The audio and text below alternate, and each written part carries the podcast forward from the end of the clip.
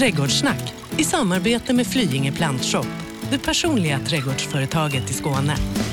Ja, då var det dags för ännu ett illustert avsnitt av Trädgårdspodden Trädgårdssnack som allt fler i vårt avlånga land och i Skåneland upptäcker. Annika Sjölin, hur har trädgårdsveckan varit? Jo, den har varit alldeles underbar i vanlig ordning. Jag har grävt och planterat och planterat och grävt och rensat ogräs och njutit i största allmänhet. Gästartist den här veckan, Magnus, tillbaka till eh, brottsplatsen. Hur har din trädgårdsvecka varit? Den har varit utmärkt också. Nu har vi fått lite torrare och lite sol och det gör ju alltid att man tänder till lite grann och får se bär i eh, solljus istället för ständigt regn.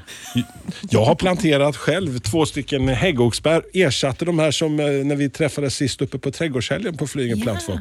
Och jag musslade och jag tryckte ner massor med sådana här. En, en säck precis enligt eh, doktorns ordination, en säck med, med barkmylla och en med plantjord. Och så har det sjunkit ihop lite grann. Ska man fylla på efteråt så nu? Mm, Ja, alltså det beror ju på om du har, har du nu en håla så är det lite tråkigt. Nej, det är ingen För du- håla men det är lite Nej. grann så att den... Lite, lite, ja men det kan du göra. Ja, vad fint. Mm. Ja, Tryggt. är det.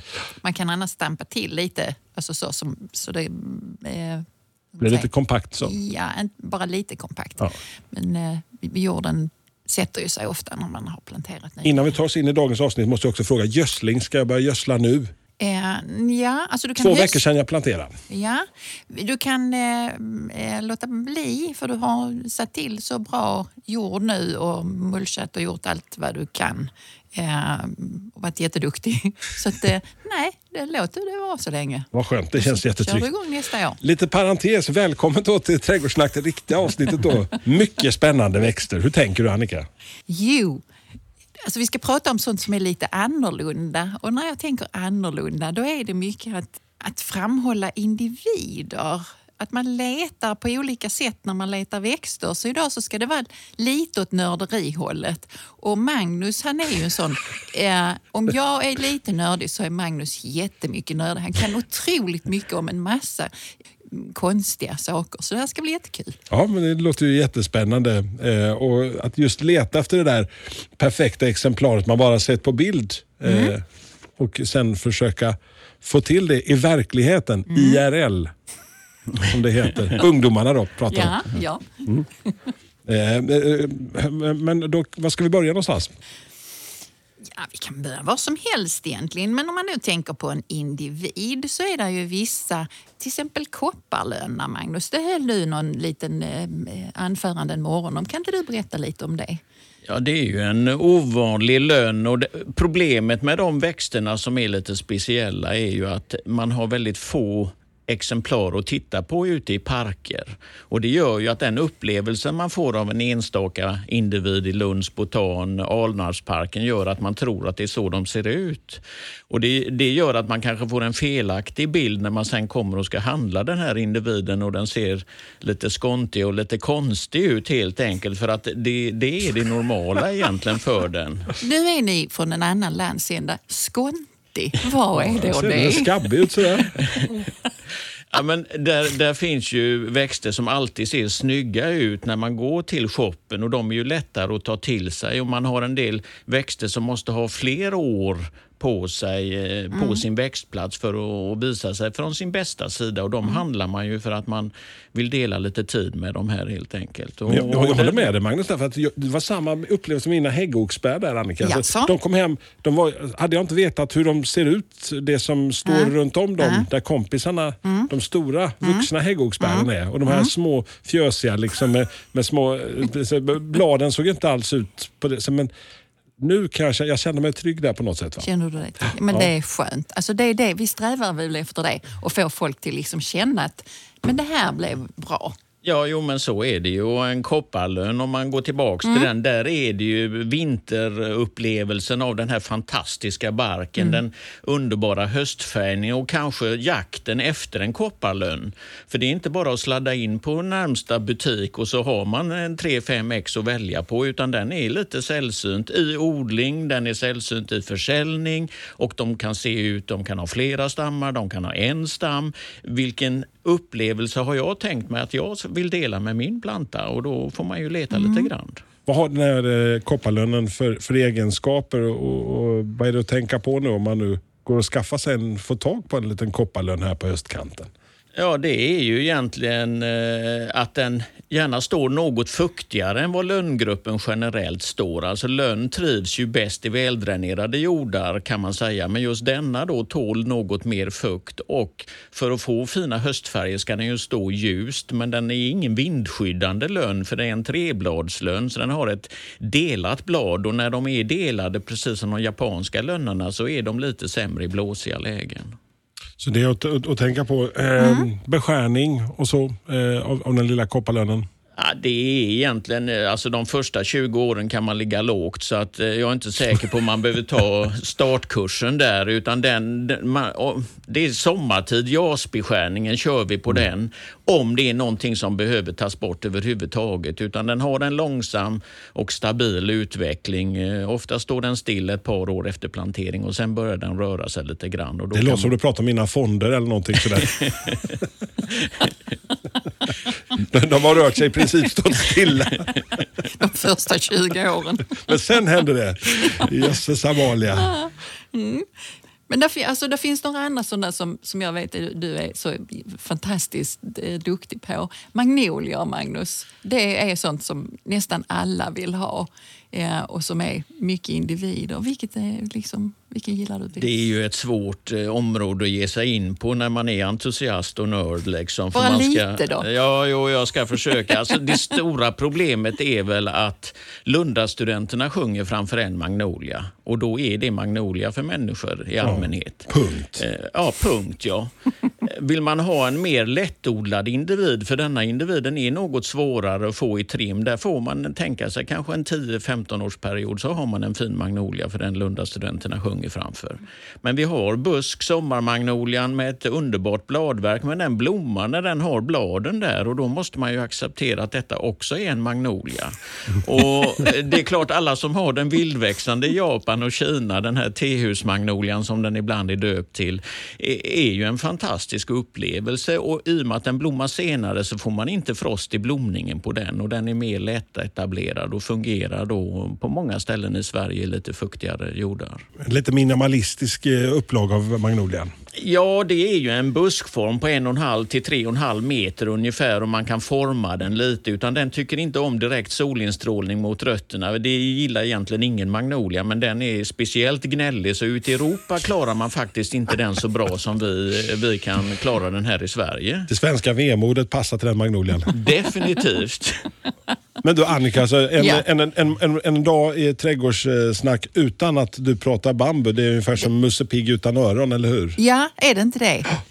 Spe specialbambu? Ja, specialbambu. Nej, men kan vi inte ta en spektabelis bambu istället? Okej, okay, det är också en sån lite kontra mot magnolierna då? Ja. ja. Ja, kan jag få lov att göra det Magnus? Det går alldeles utmärkt. Ja, vad bra. För det, det är nämligen så att om, om nu den här eh, lilla buskmagnolian stannar på platsen där Magnus har satt den så gör inte min spektabelis bambu det.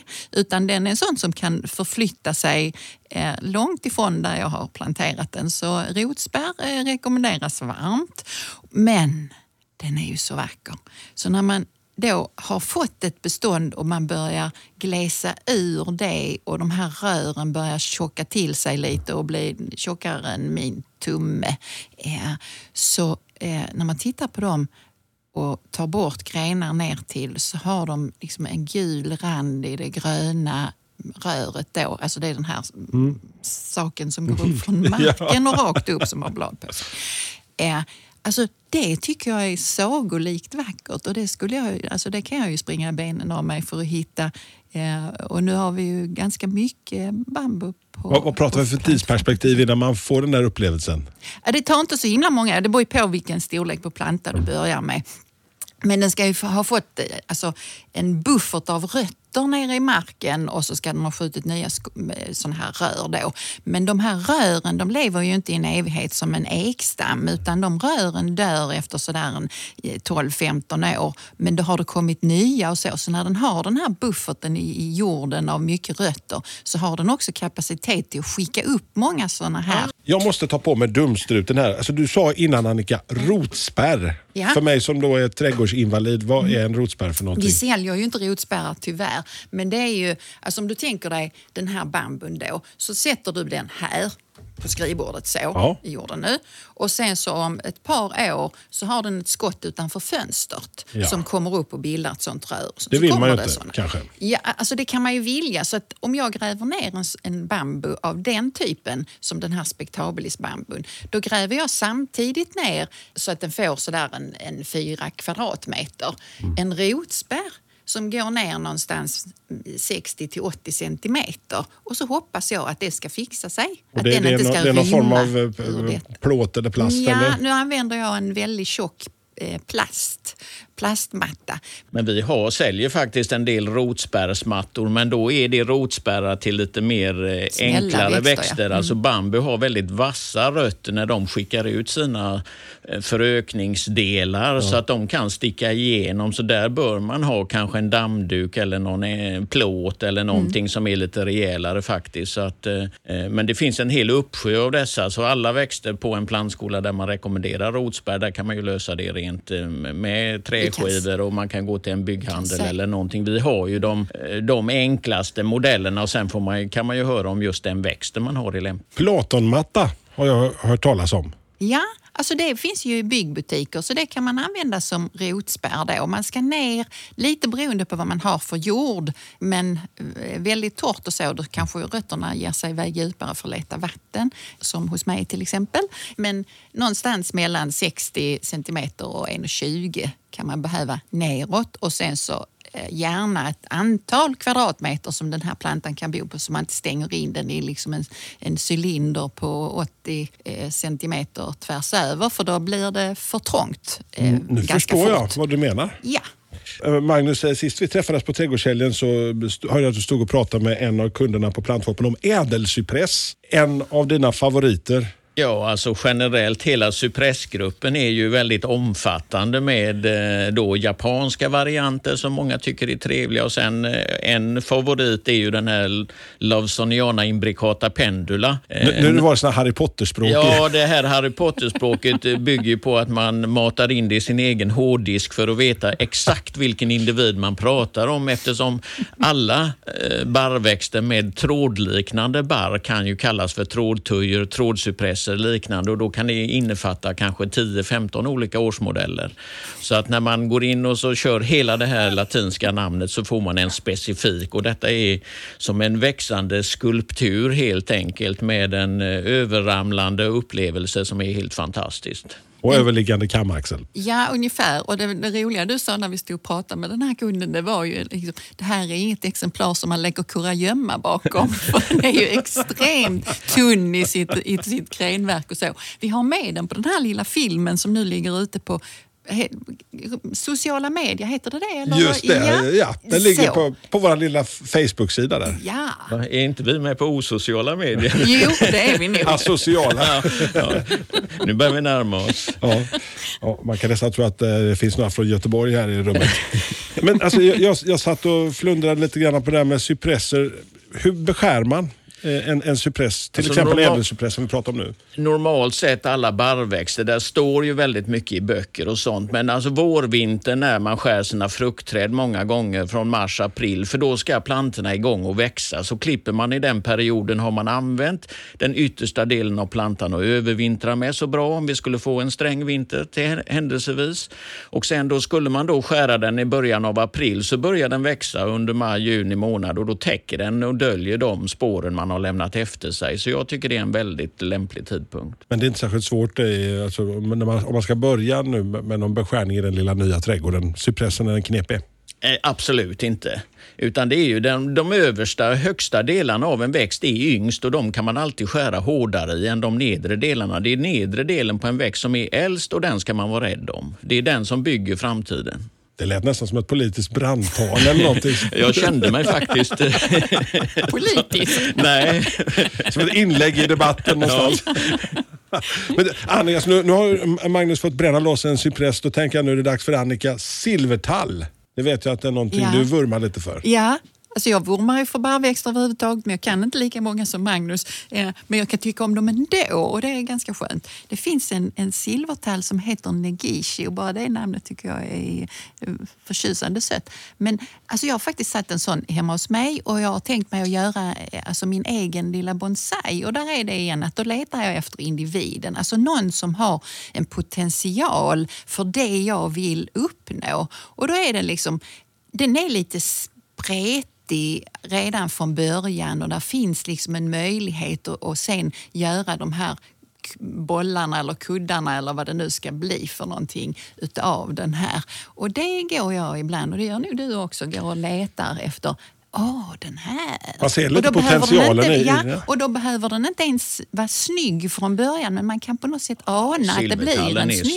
snygg alltså. Där, Ja. där är många färger i barren så här att man hittar ju grön, blå, vittoner. Liksom att den är fembarrig så den håller då sina barr i små kluster om fem och fem och det gör ju att den har lite fylligare barrupplevelse än många andra tallar.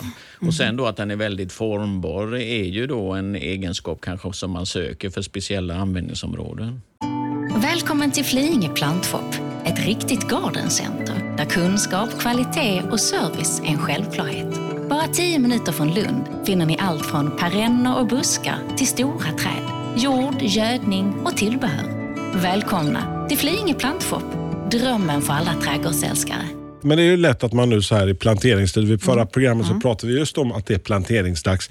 Att man går fullständigt bananas. Och det är, ni blir jätteglada att man kommer ut till plantshoppen men Mm. om man nu börjar liksom och gräver där man står och tittar runt i sin egen trädgård, alltså vad det kan finnas i sin... Stöter inte ni ofta på det liksom att folk bara vill, nu ska vi göra något nytt och så river man upp allting, har ingen riktig Jo. koll på vad vi har. Jo. Lite så. Jag är ute, och det är Magnus också, ute hos kunder Mm. eh, i olika egenskaper, men det är vilket som helst. Så om någon ringer till mig och så säger de att ja, vill du komma hem till oss och så vill de boka en konsultation och så säger de vi ska röja eller vi har eh, eh, Nisse Holgersson, han kommer här på söndag och ska liksom ta bort allt. Och då brukar jag säga nej, nej, nej, nej, nej, nej vänta nu lite, vänta nu lite. Boka om. Ja, för jättemånga har ju någonting fint i sin trädgård som man kan behålla. Och då kanske man inte ser potentialen Man ser inte individerna där ute. Nej, utan man kanske får titta noga på vissa. Och barrväxter tycker jag är ofta sådana. Gamla idegranar och, och sånt där. Som, Man förstår inte tidsaxeln i det Nej. hela när man kanske köper en ny fastighet. Att eh, det som står där och som är gammalt eh, kan man hantera som en antikvitet. Man kan bygga om den på plats och spara alla de här 20-30 hundåren i, i början och istället använda sig av det man har. För att magnolian vi nämnde, om det tar 10-15 år innan den uppför sig väl, varför ska man då såga bort och sätta en helt ny och vänta 10-15 år? Då är det väl bättre att bygga om den man redan har på plats och se om man kan förlika sig med den upplevelsen. Tycker du också det är skönt när man kan rädda någon så om man kommer, kommer någonstans och så Jo. säger man åh så fint. Ja, alltså man, egentligen är det ju det att man själv kanske ser möjligheter i material och kan man förmedla det på ett eh, konkret sätt. Det finns ju stora träd och sånt som står för, närma, för nära en, en fastighet och kan utgöra ett problem. Men det är ju sällan så, utan det är ju mer det här att man vill börja på ny kula. Och, och, och det ska vara nytt och fräscht. Ljust och fräscht kanske. Men alltså, jag måste fråga, ni, ni som verkar som kunna rädda hela världen här. Har ni räddat några individer från utplåning? Det låter ju sjukt dramatiskt men så här, Magnus, har du räddat någon? någon... Jo, det är ju så att man får ju utöva lite handpåläggning här och var. Alltså det svåra är ju med de riktigt eh, stora växterna där man, där man vet att här är det få stora individer i, i, i Sverige. Då, då gör man ju en försök eh, lägga en liten insats då, kanske på den ena i hushållet här, att eh, man faktiskt förvaltar ett arv. Man, man, Du slår in en kil där eller? Nej, alltså jag tror ju att man, man blir lite mallig när man får höra det att man har faktiskt en ovanlig individ. Det, det, är väl, det är väl som går till Antikrundan att eh, det dyker upp objekt som är väldigt spännande och det är själv man häpnar ibland när man kör, oj, där står en sån. Ja, Alltså. ja. Eh, Det var som här borta i Stenshuvud när man eh, fällde en död gran. Det var Sveriges största taxodium som försvann den vintern av eh, beskärare. Eh, Då, och det är ju en barrväxt som tappar barren och jag menar om man eh, låter okunskap regera rakt igenom så, så kan Det, det, det är hända nackskott på en sån grej nästan. Ja, jag kan Det var säga mer än politik. Ja, jag tycker man måste vara tydlig där. Med, på något vis. Men Annie, har du räddat någon, någon gång så här, liksom, som du vet med dig, liksom att åh, den... Ja, det var en fantastisk trädgård jag var i som var väldigt eh, välplanerad. En enastående plats där det fanns eh, en eh, sy- cypress. Alltså allting var i etager för det var kuperad terräng. Och högst där uppe så stod den här fantastiskt vackra cypressen, kanske en 30 stycken. Och sen så var det då stegvis och så följde murgröna från nästa etage, liksom tre meter ner och så. Fantastiskt, fantastiskt vackert. Och där ville man eh, nog göra om. Men eh, nej, så blev det inte och det är jag jätteglad för. Och jag tror att de kanske kände sig lite malliga eh, när, när de kände att ja, men det här var ju värt någonting, det de hade. De skulle inte sätta någonting helt annat som Ja, det är alltid lämpligt att flytta in i en trädgård och umgås med sina växter och Ja. så sen så formaterar man det. Alltså, ta de här riktigt snabba besluten. När, det är ju många växter idag som jag tänker att fäller jag den här kommer jag aldrig få uppleva en stor igen. Nej. Och då tycker jag inte jag är så fruktansvärt gammal men jag är ju närmare målsnöret än mina barn. Så är det ju naturligtvis. Så att eh, man måste ändå ta in det där hela tiden att växterna kan ju finnas i hundratals, ibland tusentals år. Så att, och ibland levererar de precis som kopparlönnen en upplevelse. Den har ju kanske bäst upplevelse efter en 20-25 år i plantering. Och, och Jag tror inte man kan tänka i kanske så långa omloppstider men man kan ha dem med och så står de och puttrar på i ens trädgård och rätt vad det är så bara man ser dem. Jaha, det är så den ska vara och då förstår man ju att man, man har en klenod helt enkelt. Skruvade saker i trädgården, eh, det kan ju vara saker som är väldigt knäppa men det kan ju också vara saker som är väldigt skruvade, alltså rent vridna i sin form, sin lilla individ. Idegranen, Magnus, är det någonting man kan stöta på där? Inte just kanske idegran, men just det här att eh, plantor har muterat och har då en grenutveckling som eh, är som korkskruvslockar. Man springer ju inte ut där med locktången på morgonen och drar till dem, utan vi har ju den gamla kära ormhassen eller skruvhassen. Och, Den är jättehäftig. Eh, Många använder ju de här grenarna och då finns det ju många, många fler växter som har samma syndrom med de här skruvade upplevelsen. Och det, det är många gånger kanske finns det sådana som är mer snabbväxande och mer lättodlade. Det finns inom barrvärlden i lärkar och det finns eh, inom pilar och vi har en hel serie här. Och det du sa om idegran, Ja. alltså, då är den ju klippt. Alltså man kan ju få olika kontroll över det här skruvade då. Ja. För det Magnus pratar om det är alltså individer Ja. som har det med sig eh, sen de föddes. Jag har sett en gång en idegran som var lite sådär. Ja, och då är den ju klippt och Ah, engelsmännen är ju fenomenala på det och klippa saker som hattar och tuppar och allt vad det är för någonting då. Men då kan man ju klippa det så att det blir väldigt skruvat då också. Det är liksom en helt annan metod och det är, eh, om man gillar totalkontroll på plantor Mm. då tilltalas man ofta av det. Eh, att stå där och klippa den och så liksom ser den precis Är likadan det någonting ut som ni vurmar för? Klippandet så? Ja, jag tycker alltså den gestaltningen kan jag tycka är fantastisk som enskild upplevelse. Speciellt eh, om man eh, har... Jag höll på att tillverka en kaffekopp eh, liksom under 20 år på min gamla plantskola och den blev aldrig riktigt färdig. Speciellt inte röken upp i muggen där fick jag inte riktigt till på den här stora idegranen och örat var lite vingligt under många år. Alltså, det kan ju vara en idé om att man ska lyckas. Det behöver inte alltid vara det fulländade som är det, men eh, just i pampiga större trädgårdar i England ute på kontinenten så har man ju de här upplevelserna av eh, klippta formade växter i olika formationer. Eh, Vi har ju en bild ute i samband med det här avsnittet om just eh, skruvade saker. Ädelcypress, Whistles saguaro.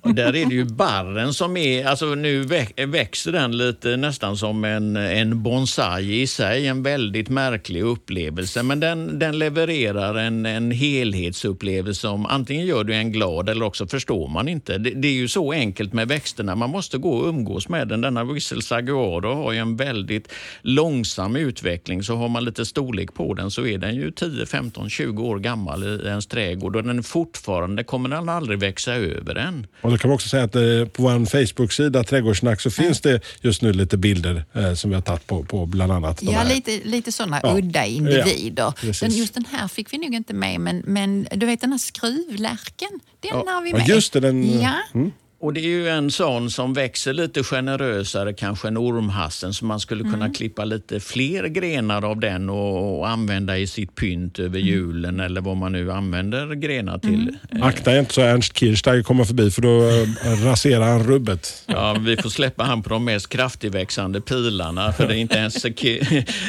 Ernst klarar av att eliminera dem. Sa han. Men det, alltså, där är ju fler kuliga skruvar. Definitivt. eh, tänker jag. Alltså, om man nu vill ha en ormhassel så kan man ju till och med eh, få tag i en, en rödbladig ormhassel. Då har man ju lite det här jag är inne på ofta, att få till kontraster och så. Så då blir det liksom en, en rödbladig historia som sen också har skruvade eh, grenar som man kan klippa lite av. Den finns ju både som du vet, eh, buske direkt nära marken och sen så även ympad på en låg stam. Och det är ju många som gillar de här mindre träden för att de då inte tar så stor plats. Eller hur man tänker. Man väl klipper dem, gör de comeback snabbt. Liksom. Alltså man nu eh, både gallrar ut, plockar in för det lilla julpyntet och sånt. Mm. Eh, vad pratar vi för tidsperspektiv? Nej, men är det en väletablerad växt som har sina rötter så den har stått 3 till fem år så är det inget problem att korta in grenar för då, då slår det långa skott i dem. Det är väl det att många gånger när man säljer dem så kanske man skrämmer upp kunden i onödan då och säger att eh, var lite försiktig och de ska inte beskäras kanske man har som grundråd. Men alla växter går att ansa och fixa till på, på ett sätt och jag menar de här växterna odlas ju fältmässigt för skörd då för att man ska kunna göra pynt av det så att det är inte riktigt så heligt som man tror. Här med den eh, rödbladiga ormhassen, där får man ju bara tänka på att den behöver stå soligt för annars får man inte rätt röd färg i lövbladverket. Så det är ju fortfarande val man gör i sin trädgård. Så att skräddarsy, eh, det är ju det det handlar om. Skräddarsy, det lät ju jättebra. Eller hur? Hur vi skräddarsyr en trädgård kan vi svara på. Veckans fråga i Trädgårdssnack. Ja, eh, då är det dags för veckans fråga där Sven ifrån Kävlinge han har skrivit till oss och undrar om det där med höstgödsling. Hur viktigt är det egentligen? Eh, det finns ju enstaka växter där man kanske har haft en lite sämre fruktsättning där man skulle kunna förstärka eh, höstgödslingen då med form av en PK-gödsel, fosfor kalium, som gynnar blomknoppssättning och övervintring.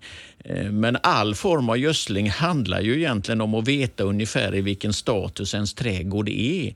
Eh, oftast gödslar vi i blindo. Alltså kompost, kogödsel kan man alltid tillföra för att det gynnar liksom allt som finns i marken och gör gödsel och näring lättillgängligare för växten. Koncentraten som vi tillför där får man alltid vara försiktigare så där får man inte ha någon flyhänt person i hushållet som får fatt i den där. Eh, liksom.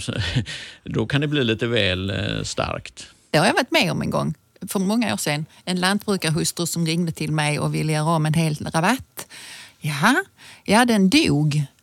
Då hade lantbrukar eh, far eh, tagit något han hade kvar, en säck som skulle förmodligen varit i traktorn och lagom för massor med tunnland och hällt ut i rabatten och allting dog.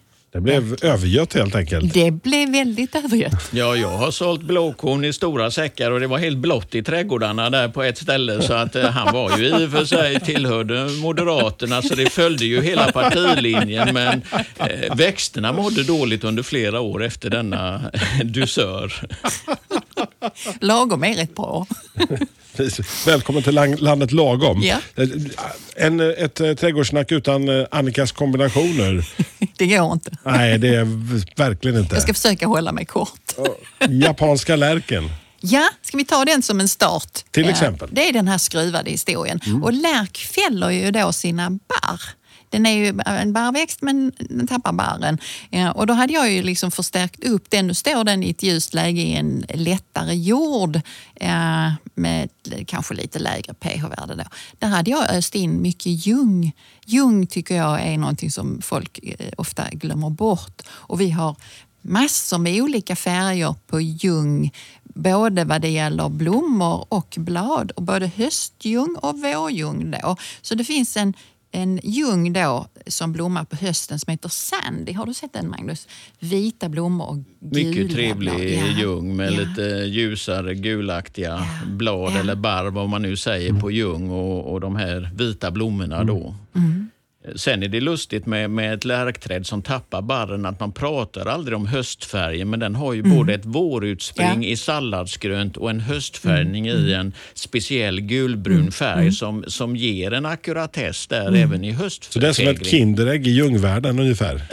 Ja, och sen så plussar vi på då med någon, en ljung som blommar, alltså vårljung då. Och då får den gärna ha en mörkare bladfärg för nu är den här Sandy väldigt ljus och nästan gul på våren när, när lärken slår ut då. Och sen så eh, sätter vi till en, en vårljung som heter Nathalie som blommar i en väldigt mörkt rosa eller nästan röd då, färg. Det tror jag blir bra. Det blir Men det är kort nog.